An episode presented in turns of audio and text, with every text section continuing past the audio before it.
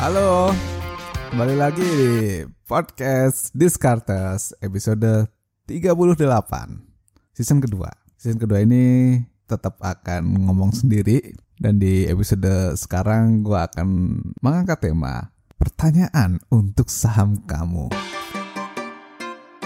Buat teman-teman yang baru join ke podcast Discartes, ini adalah podcast tentang keuangan, investasi, ekonomi, dan bisnis.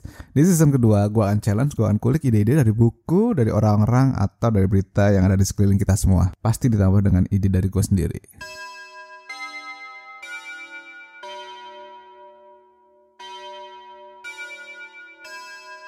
Episode kali ini gue mau ngomong simple sih.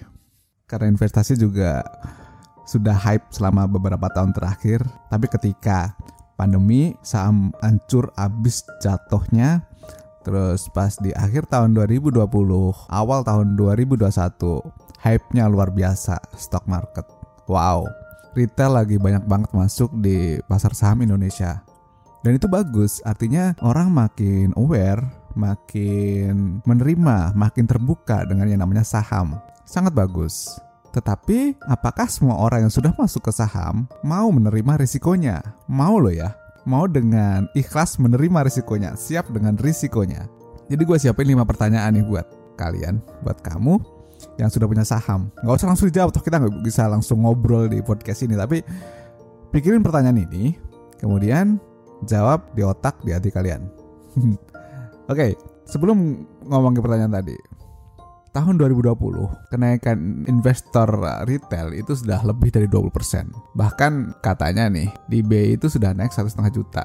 Yang gue khawatirkan adalah dari sisi negatifnya, kalau misalnya investor pemula belum tahu risiko yang tadi gue bilang, tapi berani ikut-ikutan, nanti pas turun, gue khawatir teman-teman investor ini nanti loss, terus trauma gara-gara lossnya tadi.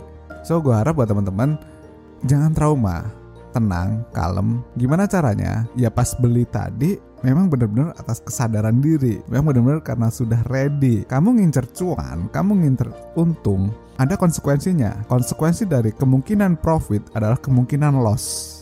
Oke ya, sampai di sini nangkap ya. Pertanyaan pertama buat kamu. Gimana style kamu?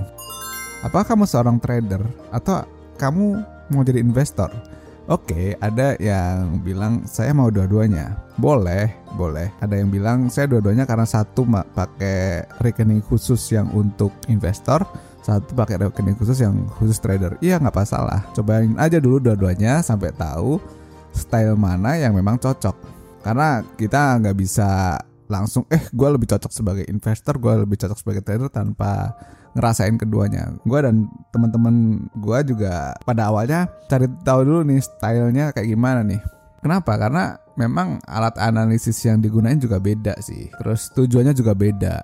Kalau misalnya selama bertahun-tahun akhirnya memutuskan ah gue udah cocok di keduanya ya nggak apa-apa juga yang penting kamu tahu bahwa kalau misalnya sebagai trader kamu harus siap untuk stop loss kamu harus siap untuk take profit. Jangan sayang-sayangan nih. Kita pakai logic ya kan? Kapan harus titik stop loss kapan titik untuk ambil untungnya. Sementara sebagai investor akun di rekening itu ya udah ready untuk panjang nih. Dan uangnya emang udah udah uang yang dingin nih. Nggak dipakai dalam waktu setahun dua tahun tiga tahun gitu kan. Yang kedua pertanyaan kedua adalah apa yang perusahaan kamu lakukan? Perusahaan dalam artian saham perusahaan yang kamu beli. Ini tuh maknanya bukan beli kucing dalam karung. Kenapa? Masa nggak tahu bisnis perusahaannya itu di mana? Ya paling nggak tahu lah dikit-dikit. Contoh, kalau misalnya kamu beli saham namanya ASII, bisnis apa? Ya kan bisnis di otomotif. Apakah kamu tahu kalau dia bisnis otomotif? Atau misalnya si MCAS, dia kan jualan produk digital. Apakah kamu tahu dia jualan itu? Kenapa? Bahkan seorang trader atau seorang investor akan sangat aneh kalau tidak tahu bisnis yang dibelinya. Jadi nggak peduli kamu menamakan diri trader atau investor, tapi kamu oh iya ini masuk akal loh kita beli gitu kan. Patternnya itu masuk akal dengan perusahaan ini gitu. Masa iya beli tanpa tahu yang dibeli? Kan katanya nggak mau judi kan dulu dengerin pas episode sebelum-sebelum ini. Setuju nggak sama gue? Pertanyaan ketiga, apakah perusahaannya profit atau punya potensi profit ke depan? Ya, kalau ini memang kita melihat laporan keuangannya, tapi sekarang zamannya gampang banget. Even kamu nggak perlu bongkar dari situs bursa pun ada sebenarnya kamu masuk ke website-website yang sudah ngeluarin laporan keuangan bisa gitu atau kamu berlangganan di salah satu orang atau institusi yang dia rutin nih ngeluarin analisis laporan keuangan itu juga mempermudah tapi paling enggak kamu punya itu kenapa karena itu sebagai dasar juga oh iya ini punya potensi untuk profit ke depan nih Kenapa kita perlu tahu itu? Even seorang trader pun ya wajar dong. Gua tahu barang ini, barang ini punya potensi profit ke depan.